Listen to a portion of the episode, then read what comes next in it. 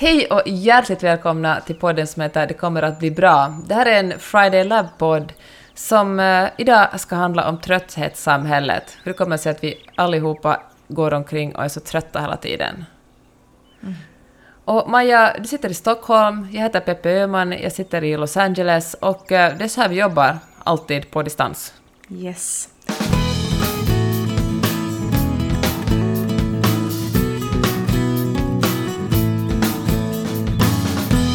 Innan vi drar igång, ska vi prata om eh, årets sista labb? Ja, det ska vi verkligen. I början på november drar vi igång årets sista Friday Lab-kurs. Det är en 90 dagars kurs där eh, vi tar in 15 stycken deltagare och då handlar det om att helt enkelt sakta ner, fundera på vad du vill göra, vad du har för målsättningar, vad du tycker om i ditt liv, vad du inte tycker om i ditt liv. Och tillsammans under de här dagarna gör vi en plan för att eh, vardagen ska bli lite mer givande och rolig. Jättebra. Och vi släpper platserna 19 oktober och bästa sättet att komma ihåg det är att få en påminnelse av oss. Och det gör man genom att gå till fridaylab.se eller vårt Instagramkonto som också heter fridaylab.se och anmäla sig till vårt nyhetsbrev. Då kommer en påminnelse den 19 att nu är det dags att signa upp. Bara 15 och platser. De här platserna brukar verkligen ryka väldigt fort, så det lönar sig att hålla handen på rätt, rätt tangent den 19 oktober. Precis. Okej, ska vi dra igång? Yes! Trötthetssamhället. Hur trött är du? Alltså jag är ju, är ju alltid ganska trött. Vet du Maja, jag är så trött att jag inte vill blogga om det eller prata om hur trött jag är, för jag tänker så, jag tänker så här att jag utgår från att alla andra också är jättetrötta och ingen orkar höra på en person som är trött. Det är liksom det tråkigaste man kan höra. Det är som att höra på någon som berättar om hur mycket hen jobbar. Det är också gäsp på det, för man utgår från att alla jobbar jättemycket. Det, det är ju ganska roligt att du och jag som driver ett företag ihop, vi är båda kvällströtta. Ja. Och så jobbar vi med nio timmars tidsskillnad, vilket är att vi har exakt två, två möjligheter att kommunicera under dygnet. Det ena är ju min kväll och det andra är när jag vaknar väldigt tidigt, är ju din kväll. Så vi, vi, har inte liksom riktigt gemensam peak time där, om det inte är då kanske just i början av din morgon, i början av min kväll. Så. Alltså, jag tycker så synd om det Maja som alltid måste vara den som tar kvällsskiftet. Jag är ju nämligen... Inte alls. Ja, men jag är ju alltid helt... Jag blir liksom, efter ungefär klockan två på eftermiddagen, då slutar min hjärna fungera och sen har jag liksom ingenting kreativt att komma med, men dig piskar jag nog upp till att uh, leverera grejer sen på kvällen. men vi ska prata om det här med trötthet nu, för att det är ju verkligen... Ja, det känns ju lite som en, ska man säga, en folksjukdom. Mm. Och just för att det är en sån folksjukdom så tog vi upp en bok i Friday Lab Community. Community är ett eh, nätverk av kvinnor, vi är ungefär 70 personer där nu och de allra flesta har gått Friday Lab-kursen och när man är färdig med den så kan man fortsätta i community och, och, och liksom få ett ännu större nätverk och ännu större hjälp både professionellt och, och privat. Och där har vi en massa olika föreläsningar och kurser, men också, eller varav en är en bokklubb. Och då var det någon som letade fram en bok som heter Trötthetssamhället. Och den, alltså den röstar vi fram, alla röstar på den, alla vill läsa om trötthetssamhället för att alla är så trötta. Författaren heter Byung-Chul Han. Det är en eh, koreansk författare, men han skriver på tyska. Han bor i Karlsruhe i Tyskland. Och eh, han har skrivit en eh, bok som vi trodde skulle kanske ge lite mer praktiska råd, men som mest var en en ganska komplicerad akademisk essä om vår tid och, och hur vi lever just nu. Och, alltså, enda trösten var ju att den var så kort. Den var ju bara 60 sidor. ja, men den, var, den var ganska utmanande att, att förstå. Men tillsammans lyckades vi liksom bena, bena fram liksom själva, eller någon slags äh, tankar och analyser ur den. Och det som jag mm. kanske tog med mig mest var att, att vi lever i ett sånt extremt äh, prestationssamhälle, och prestationssamhälle går ju såklart hand i hand med, äh, med trötthetssamhälle. Eftersom mm. allt är så tillgängligt tack vare internet och, och då också sociala medier, så lever vi i en värld där vi känner att vi måste vi måste prestera, vi måste visa hur duktiga vi är, vi måste visa allt vi gör, men vi har också en känsla av att vi måste veta allt och kunna allt hela tiden. Och här kan jag verkligen känna, mig själv, känna igen mig själv väldigt mycket. Jag känner att jag måste ha koll på precis allting. Och eh, det första jag gör på morgonen, kolla nyheterna, försöka tänka vad som har hänt, vad det här innebär, vad det här för ett sammanhang. Och, eh, och det och om varje vaken stund av ens liv liksom proppas full med eh, information, antingen producerar man någonting eller så tar man in information, så det är inte alls så konstigt att ens hjärna blir trött då. Nej, men det är klart. Och orsaken till att vi vill prata om det här är ju också eh, att vi, vi jobbar ju mycket med självledarskap och personlig utveckling i Friday Lab. Och någonstans just det här med, med trötthet och det här konstanta konstanta flödet av information och vår känsla av att vi borde vara överallt samtidigt och inte räcka till. Eh, det faller väldigt mycket på oss själva som individer. Mm. Så vi önskar ju att i det här samtalet att, att, att du och jag ska bolla den här frågan men också du som lyssnar ska kunna tänka på vad, vad är det du sitter i och vad är det du kan konkret göra. Eh, kanske börja styra hur du använder din fokus, din tid och så vidare. Och kanske testa någonting nytt efter att du har lyssnat på den här podden. Ja, för det finns faktiskt vissa lösningar i den här essäsamlingen som vi läste. Det finns eh, några lösningar som är lite för enkla för att Äh, ja, men som man kanske inte tar på allvar från början för att de är så enkla. Men, det ska jag berätta senare i podden. Maja, du sa det där att, att individ, att man, liksom, att det finns ett visst, att man har ett visst ansvar som individ över hur man, hur man själv eh, planerar sin dag och kanske sin vecka och hela sitt liv. Alltså då blev jag genast lite provocerad, för jag tänker att vi är ju alla liksom...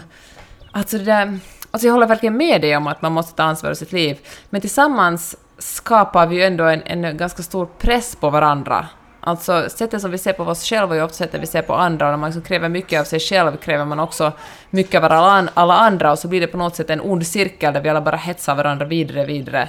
Vi ska alla bli mm. liksom mer effektiva och liksom göra större dåd och tjäna mer pengar, och, för då blir konsumtionssamhället lyckligt. Och eh, mm. innan vi började spela in den här podden så hade du hade tagit din dotter med till Nationalmuseet idag på fredag eftermiddag. Och att eh, du var så, och du tvekade inför att om du skulle förmedla det här på sociala medier? Ja men precis. Alltså för, vi pratade ju här redan tidigare. Vi jobbar ju, eller jag jobbar en del kvällar. Och jag är ju egenföretagare så jag styr ju över min egen tid. Så. Och då har jag verkligen den här hösten försökt, alltså verkligen försökt leva som jag lär. Vi säger att jag jobbar hållbart. Eh, inte jobba hela tiden och så vidare. Så då har jag styrt upp i min kalender som jag då har makten över att fredagar till exempel så, eh, så har jag inga möten, jag träffar inga kunder, eh, jag har förmiddagen för studier och eftermiddagen liksom att göra kreativa saker. Så då tänkte jag att nej men, min, jag tar min otroligt kreativa dotter till, eh, till Moderna Museet idag. Eh, och det är ju hur härligt som helst. Men det var faktiskt första gången jag tänkte idag, ska jag nu lägga upp det här på Instagram eller inte? Varför det? Eh, och jag, jag, ja, men det var någonting i Jag vet inte, jag tror att det har att göra med att, att vad vi också diskuterar den här veckan i community, vi har pratat mycket om sociala medier och, och hur det påverkar oss och hur det ökar prestationen. Mm. Och jag, så jag tror att det blev någon sån här känsla av att men vad ska... Blir, blir någon provocerad nu av att jag kan klockan två på en fredag sitta på Djurgårdsfärjan? Mm. Alltså jag och chilla ja. några timmar. Jag Fast jag vet det. ju att jag, det är ju en kompensation, alltså jag, jag tar ut kompledigt, vad ska man säga? Och, in, och ens det, varför ska jag behöva förklara det? Jag menar, du vet vad jag menar. Jag det var en ny tanke som väcktes hos mig. Och den är ju, tycker jag är lite intressant. Vet du det där att du... Jag tänkte faktiskt påpeka att du genast måste förklara det. är faktiskt kompledigt och jag jobbar jättemycket kvällar så jag får ta ledigt på eftermiddagen. Men det, det liksom... Det, då, när du säger så, så då, då ursäktar du det nästan för att du hade en jättefin stund. Och det är säkert, om man måste dra det till sin spets, så var du, gjorde du säkert till en mer kreativ människa. Att du liksom tillbringar några timmar på Moderna, moderna Museet gjorde antagligen till att du kunde kläcka några bra idéer mycket bättre än om du sitter framför en dator hela eftermiddagen. Men eh, jag tänker också att, att eh, tvärtom borde du kanske lägga ut mer sånt, för att om vi fylls, om, om ens liksom flöden istället fylls av människor som verkligen tar ledigt och inte visar upp sina prestationer, utan snarare visar upp när de tar det lugnt och ligger och kollar på Netflix. Så då, mm. alltså jag tänker man, det måste ju inte, alltså många kan säkert också känna att Moderna Museet att det är ganska ambitiöst och liksom vilken supermorsa du är som tar din dotter dit och, och kan liksom känna det som ett, kanske ett prestationskrav. Men jag tänker att, att um, kanske fler bilder, ja, om man nödvändigtvis ska lägga upp någonting, kanske man inte ska lägga upp så mycket prestation.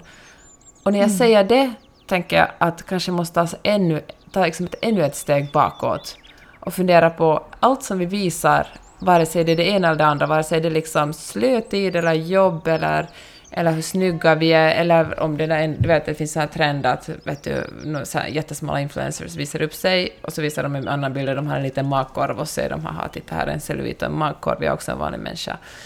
Eller mm. folk som liksom visar sina stökiga hem som liksom någon slags svar på, på alla inredningstidningshem som finns på Instagram.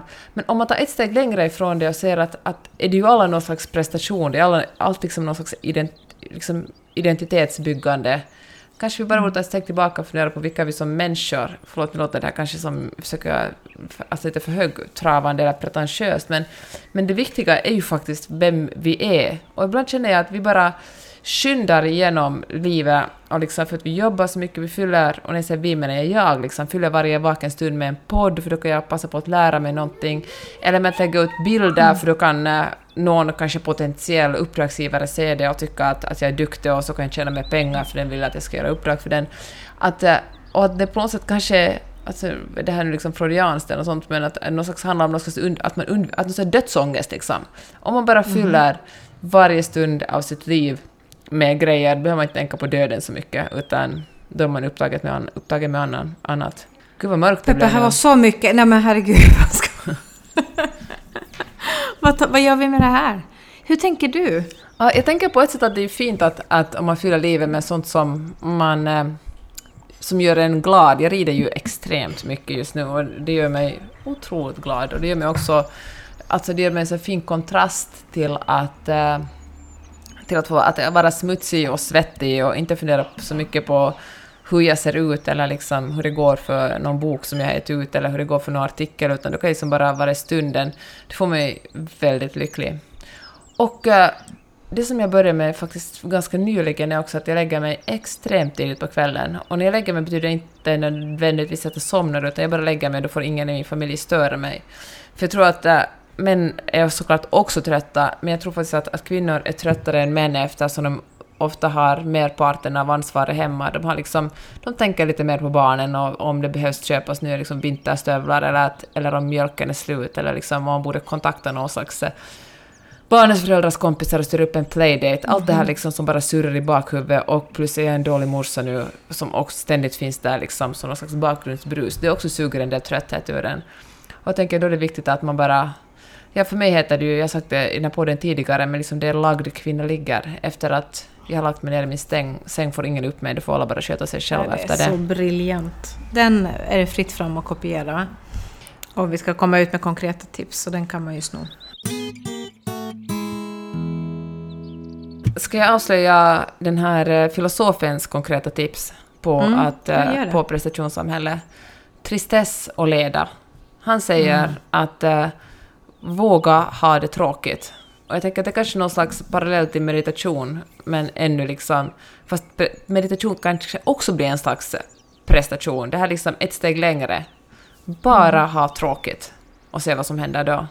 Det är det där man säger till barn. Vet du. Ja, verkligen. Jag har ingenting att göra. Nej, men det är bra att ha tråkigt. Jag ja. det kanske du inte säger till dina, men jag säger det definitivt till mina. För jag är helt övertygad om att det är bra att ha tråkigt. Själv är jag ganska dålig på det. Ja, men samma här. Alltså jag är ju usel på det. Men jag tänker att det är väl som att annat man börjar med, att man måste liksom träna in det, verkligen eh, typ boka mm. tid in i kalendern för att ha tråkigt. Mm. Så är det ju. Och han pratade ju om det här med hyper, uh, hyperuppmärksamhet, hyperattention. Mm. Att, att liksom vårt nulägs, uh, nutidssamhälle, det är så konstanta fokusväxlingar mellan uppgifter, mellan information och processer. Uh, att vi behöver motarbeta det genom att, att ha uh, motsatsen, alltså djup, djupsömn och djupleda pratar han om. Mm. Att kroppen behöver djupsömn och hjärnan behöver djupleda. Så jag tänker att det finns väl saker man kan göra som, eh, som, som är liksom vila för hjärnan. Som inte är att titta och glo in i väggen. Jag tänker spontant på att hålla på och fixa i en trädgård till exempel. Mm. Trots att det också kan vara prestation om man vill. Men, eller jag skulle säga att matlagning för mig kan vara, kan vara sån här liksom när jag inte har bråttom och jag lagar bara för lagandets skull. Jag förstår precis vad du menar. Ja. Jag, jag, tror också att, att, typ att sticka kan vara en sån sak. Jag läste någonstans mm. att det är mm. väldigt äh, bra för hjärnan att äh, göra grejer med händerna. Då tänker jag matlagning, stickning, potta i trädgården, någonting som man gör liksom fysiskt. Det behöver inte vara något som gör en svettig, men något som liksom man låter händerna arbeta lite och liksom hjärnan göra sitt på sitt håll. Mm. Och det är ju så att de bästa, alltså de bästa idéerna kommer, det har vi ju pratat om så många gånger, men de bästa idéerna kommer ju när man har stängt av mm. dels prestationen men också liksom in, input. Det som jag verkligen tog med från den här boken, nu blir det här faktiskt en bokklubb lite också eftersom vi går igenom den, men den verkligen, mm. trots att den var så akademisk och svår, hade den, var den ganska inspirerande och, och ett märke att jag liksom tänker mycket på den så här i efterhand. Och det var att uh, att multitaska är egentligen regression. Det är liksom att, att röra sig tillbaka, bakåt i evolutionen. Han skulle säga att vilda djur sysslar med multitasking, för de kan aldrig fokusera mm. på en sak samtidigt. Och, inte ens, och liksom, de kan alltid bli uppätna av ett större djur, eller att det är alltid någon fara, så de måste alltid liksom hålla ett öga och ett öra på vakt medan de sysslar med det de gör. Men eftersom vi ofta sitter ganska trygga i våra hem utan, eller på våra kontor utan att liksom, riskera att bli uppäten av en sabeltandad tiger eller något sånt, så har vi faktiskt möjligheten att verkligen idka djupfokus. Vi behöver inte mm. multitaska, mm. vi kan bara liksom gå in på en sak och bara tänka på den. Och när vi gör det blir det ofta mycket, mycket bättre än om vår hjärna hoppar från en, ett ställe till ett annat medan vi försöker till exempel skriva en, en krönika som jag håller på med just nu. Mm. Om vi går tillbaka till det här med sociala medier och mitt dilemma där idag. Eh, ja. När jag började fundera på om någon annan kan tycka att det här är provocerande. Jag blir nästan eh, aldrig provocerad av sociala medier. Alltså jag... Jag kan inte komma... Det skulle, vara, det skulle kanske vara någonting som har just med, med träning eller utseende mm. att göra. Men såna, jag följer inte riktigt sådana konton. Så.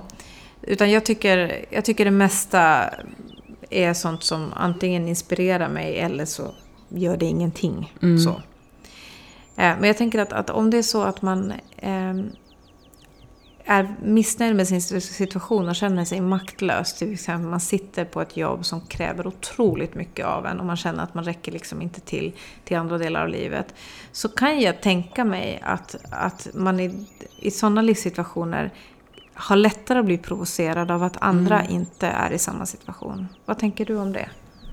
Nej, men jag tror verkligen det stämmer. Speciellt liksom om man känner att man inte vill vara där man är och se någon annan som lever det livet man vill ha. Det är klart man blir provocerad då. Jag, vet inte, jag tänker så här att om, man, om det, jag vet inte om det är något tröst att alla inte har det perfekt, men alla... Alltså egentligen vill man ju aldrig byta liv med någon annan eftersom alla har ju sina egna problem som man väldigt, väldigt sällan ser på Instagram. Men, och, men jag tänker också att man kanske kan använda den här frustrationen eller när man känner sig provocerad, använda den här känslan till att äh, fundera på, sätta energin på att fundera på vad man kan göra. På vilket sätt mm. kan man förändra sitt liv så att det inte känns så här? Finns det någon... Ibland befinner man sig i en situation där man, man bara inte kommer loss just nu för stunden, men då kanske man kan se lite längre fram och se att vad är liksom, om jag lyfter blicken, vad kan jag vara om, om ett halvår? Eller vad kan jag vara om ett år? Och jag tänker att ofta när det kommer... Alltså jag tror att människan också är så otroligt rädd för förändring. Det finns något liksom inneboende i oss som verkligen slår på bromsen genast när någon form av förändring kommer. Och det är kanske ibland också lättare att, eh, att vantrivas på en plats om det inte är ens eget val, det har nu bara blivit så här, än att, än att våga ta liksom ett beslut och, och, ändra på det, för man vet ju, också om man vantrivs där man är så vet man inte vad man får, det kanske man kan känna att det är läskigt, det kanske blir ännu värre. Men eh, om man själv fattar ett beslut att ta sig vidare, då är det ju på ens eget ansvar och det är ju också väldigt läskigt. Men det eh, om det finns någon slags, eh, jag vet inte om det här är något tröstande ord, men så brukar jag tänka när jag känner mig rädd för förändringar, är att om man fattar ett beslut och det inte blir rätt, då kan man bara fatta ett nytt beslut. Det finns väldigt få beslut som är väldigt helt oåterkalleliga. Så man testar, okej, okay, det här blev inte så bra så då testar jag det här. Om det inte heller blev så bra, då tar man nästa grej. Alltså, bara släppa den där prestigen i att man inte kan förändras som människa, eller att man är en viss sorts människa som jobbar med, jobbar med vissa saker. Som du berättade, mm. Maja, häromdagen om en, en bekant till dig som hade, som hade en, en, en liksom strålande karriär inom nu minns jag inte exakt vad det var, men liksom inom, inom någonting som kanske var väldigt fokuserat på marknad och pengar, och som bestämde sig för att omutbilda sig till barnmorska Otroligt mm. coolt. Alltså tänk det. Mm.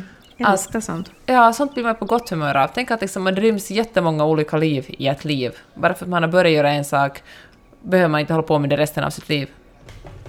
Men ofta tänker vi ju, alltså vid alla beslut eller förändringar så alltså ger, ger vi oss själva en ursäkt att inte fatta ett beslut genom att vi tänker att det är antingen eller. Mm. Och jag tänker också det här med liksom trötthet. Så, så, så det, vi kan måla upp sådana bilder att nej men, då måste jag börja meditera en timme eller då måste jag liksom avsluta Instagram, TikTok och Facebook om jag ska... Men det är inte det det handlar om. Det kanske handlar om att, att lägga bort telefonen en halvtimme eller, mm. eller att testa, inte meditera, men kanske testa promenad i tystnad eh, tio minuter.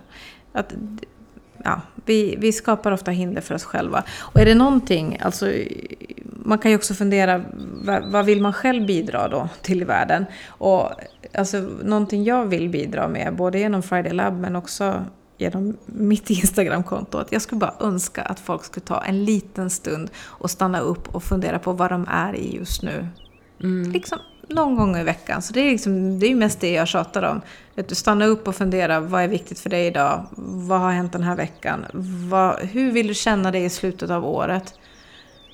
Ja, det är faktiskt en ja, bra fråga. Korta mikropauser, och det är det vi jobbar med i Friday Lab också, att skapa en plats där du får komma in och där du inte behöver prestera massa. Och det finns inga krav på att du ska göra stora förändringar. Du behöver inte byta jobb, skilja dig, eh, liksom, kasta ut all elektronik. Ingenting sånt. Men däremot så vill vi att du stannar upp och funderar var du är och vart du vill och sen gör små, små förändringar.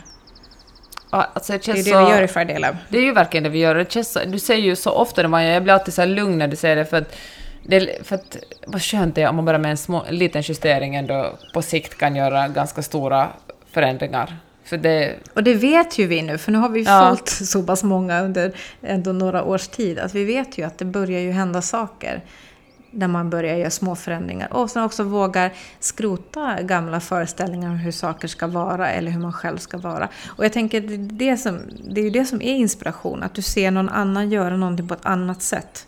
Mm. Och istället för att tänka att det där kan inte jag göra så kanske man kan tänka att men vad kan jag göra då? Vad skulle vara ett litet steg? Jag tänker också på det, att trötthetssamhälle och det här prestationssamhället går ju också hand i hand med konsumtionssamhälle, som kanske också sociala mm. medier spelar en roll i när vi ser saker tänker vi att oh, den där människan är snygg, den har den klädesplagget på sig, förlåt att jag nu förenklar det här väldigt mycket, men om jag köper det då kommer jag också att bli snygg och vara så där glad som hon eller han är på bilden. Och, eh, och för att kunna köpa det måste vi jobba lite extra mer, liksom lite extra mycket för att tjäna så mycket pengar och liksom bli duktigare på jobbet för att kanske få en befordring och en löneförhöjning. Och hela det konsumtionssamhället där vi tror att, man, att det blir en quick fix, liksom. vi kan köpa till mm. oss att känna oss bättre, göra att vi bara jobbar mer och blir tröttare och kanske i längden också känner oss sämre. Gud vad mm. präktiga vi låter, Maja, vad ska vi säga? Ja, verkligen. Ja. Vi får, vi får liksom... Eh, så här är det nu idag, så här låter vi idag och det är faktiskt också okej. Okay. Jag tänker att det är liksom mitt bästa att vara sådär, du vet när man känner att hur, hur blev det där nu egentligen? Och så mm. tänker man bara så här att ja, ja, nu blev det så här. Och jag tycker att det är bra att också sätta sig i olika miljöer äh, lite då och då. Jag var ute i, i skärgården för någon vecka sedan. Och jag märkte, alltså, där märkte jag, att kontrasten var så stor, att herregud vad jag tänker fort. liksom. Mm. Att, att, trots att jag bytte plats jag gjorde en, en lång förflyttning eh, och skalade bort en massa måsten eftersom jag åkte dit själv. Så märkte att min hjärna hängde liksom inte med, den fortsatte i samma tempo. Mm. Och så tog det typ ja, ett dygn och sen bara var jag ner. Och när jag kom tillbaka så kände jag att jag var på en helt annan temponivå. Mm. Och det var så skönt. Och nu har det gått två veckor och nu märkte jag häromdagen att herregud, jag är ju tillbaka på samma... Vad, vad hände? Och då tänker jag att det får ju vara så. Vi har ju, drar ju nytta av att ha olika tempon. Mm. Jag vet att jag presterar bra när jag har ett högt tempo. Men då är det jätte, jätteviktigt att jag också får ner det emellanåt. För annars orkar man inte. Och då måste man ju liksom känna sig själv så pass mycket att man märker att när det börjar spida iväg. Mm. Så att man kan sen tvinga sig själv att kom, liksom gå ner i varv. Och ett sätt, för mig åtminstone, är att eftersom jag vet att, att jag triggas av eh, kommunikation, jag triggas av att eh, prata med andra människor, inte live då, det gör man ju inte nu för tiden tänkte jag säga. Eh, men så kanske för mig nu när det är ändå fredag kväll, så min läxa till mig själv den här helgen är att försöka vara lite mer offline och läsa lite mer pappersböcker. För det vet jag fungerar mm. för mig att läsa tidningar och böcker i pappersform. Mm. Det är ett bra tips. Va, vad är det som funkar för dig? Alltså för mig funkar det faktiskt bäst att bli smutsig. Att verkligen bli smutsig och svettig, vara bland eh, djur liksom och strunta i att mina barn också blir jättesmutsiga och får hål på sina byxor och, och bara drällar omkring. Det får mig att må så otroligt bra.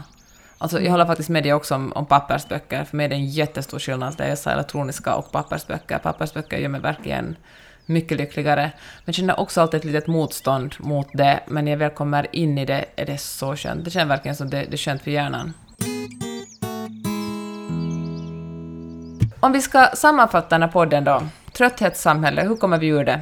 Genom tristess? Ja, genom tristess, genom sömn. Alltså sömn måste alltid gå först. Ja. Det var från en annan bok vi läste, uh, Bodil Jönsson, att, uh, vad heter den? Tid, en bok om tid. Mm. Där hon skrev, är jag, att, är jag trött eller ledsen? Att känslan kan vara exakt densamma, men lösningen en annan. Den, den tänker jag på jätteofta ja. om jag känner mig ner. Så funderar liksom, har jag sovit? Liksom, fråga nummer ett.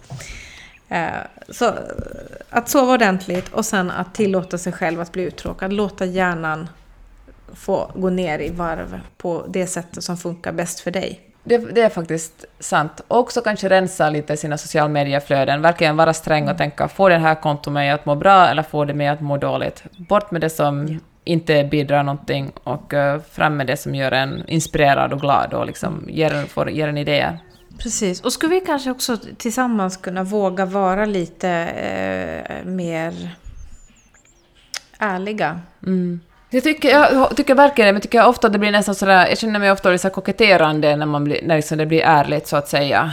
Alltså mm. det blir, liksom, det blir eh, smutsigt i en viss, precis till rätt mån, eller misslyckat i rätt mån. Liksom, det, jag tycker det är hemskt svårt den där eh, balansgången mellan att vara sårbar, för sårbarhet är, ofta, är ju mycket intressantare än det perfekta. Jag tycker det är liksom ett, ett eh, om man ska komma med någon slags eh, social media-råd. Men när det går mm. över och man känner att den här människan är, det är kanske en helt annan diskussion, men vill ändå säga det, att man känner att den här människan är sårbar för att hen befinner sig i en desperat situation, då känns det som om mm. sociala medier kanske är fel forum och då blir man liksom illa mm. berörd. Jag tycker det är... Och det blir också, tycker jag, väldigt... Alltså det kan lätt bli så här... Eh, på något sätt strategiskt, tänker jag, med sociala mm. medier. Vet du, man tänker att, att lägga den här personen ut någonting, så som vissa influencers lägger ut att oh, jag har så jobbigt med min bulimi, men med den här rabattkoden kan ni köpa mitt smink för 20% rabatt. Och då känner man också att det är självklart att två saker, man kan vara framgångsrik företagare och sminkförsäljare och ha bulimi samtidigt, men det blir på något sätt fel när man använder Ah, fan, jag vet inte. Alltså, jag, jag, tycker det, jag tycker det är så svårt med sociala medier. Men kanske det enda rådet är att inte ta dem på allvar. Bara se det som mm, en lek. Det absolut. Att se det som en, en eh, version av sanningen just då. Men ja. jag tänker också i verkliga relationer, alltså det är också verkliga relationer, med sådana såna människor som man känner på riktigt, att kanske våga våga säga att nej, jag prioriterar inte jobb just nu. Eller jag har insett ja. att det här är inte Ja, det är inte så viktigt. Eller, att, eller att våga säga att man är utvilad. Det är ju sjukt provocerande för ja. någon som är trött. Ja. Men kanske ja. det, den, ibland så i den ilskan som man kan känna för att någon annan är utvilad, så kan man ju också kanske få den där motivationen att se över sin egen situation, att är det någonting jag kan göra? Och också få en känsla att så kan det också vara. Det är liksom inte, trötthet behöver inte vara normen. Nej, att komma ja. bort från det. Och kanske det som flera stycken i Friday Lab-kursen tidigare har haft som målsättning att helt enkelt inte prestera så mycket, inte söka sig vidare i karriären eller framåt eller tjäna mer, utan tvärtom bara att uh, tjäna mindre och ta det mer lugnt. Jag tycker det att det också är en möjlighet att ha det som målsättning. Att göra mindre. Absolut. Det var ju, det var ju en, en deltagare som hade liksom den aha-upplevelsen att man kan sätta mål kring att inte prestera. Det jobbar vi ju jättemycket med eftersom jag vet inte, en så stor del av de som kommer till oss är väldigt högpresterande. Mm. Så ett väldigt bra sätt att liksom, kämpa, liksom, ta sig framåt i det kan ju vara att sätta mål kring att inte prestera. Eh, men att man kan tänka så också, tvärtom. Okej, vad skönt Maja. Mm. Nu har vi i alla fall löst det här problemet med trötthetssamhälle. spelar in en podd snart Stort igen. Stort tack till oss. Ja. Där vi tar uh, världsfred och uh, coronan. Det gör vi. Alright, men hör du, jag känner i alla fall, om jag får återkoppla till min eftermiddag som jag tog ledigt nu. Jag känner mig väldigt glad och utvilad efter den här dagen. Bra. Eh, så då får man väl ändå tänka att det var rätt prioriterat. Men det kan jag säga Maja, det var helt rätt prioriterat. Jag har också prioriterat att rida den här förmiddagen. Det, liksom, mm. det ångrar man aldrig. Tack för att ni har lyssnat också på det här avsnittet av Det kommer att bli bra-podden. Det kommer ut ett ganska snart igen. Vi kan inte säga exakt när, men om, ni, om du inte har lyssnat på de gamla avsnitten så rekommenderar jag dem, för de är verkligen inte bundna till en viss tid, utan det handlar om allt från målsättning till vanor och ja, vi väl talat om det mesta. Och tipsa gärna en kompis som du känner skulle ha nytta av att kanske stanna upp och tänka lite på vad man kan ta kontrollen över i sitt liv. Ja, men gör det. Och uh, ta hand om dig. Ja, vi hörs snart Peppe. Det gör vi. Hej då! Ja, hej då!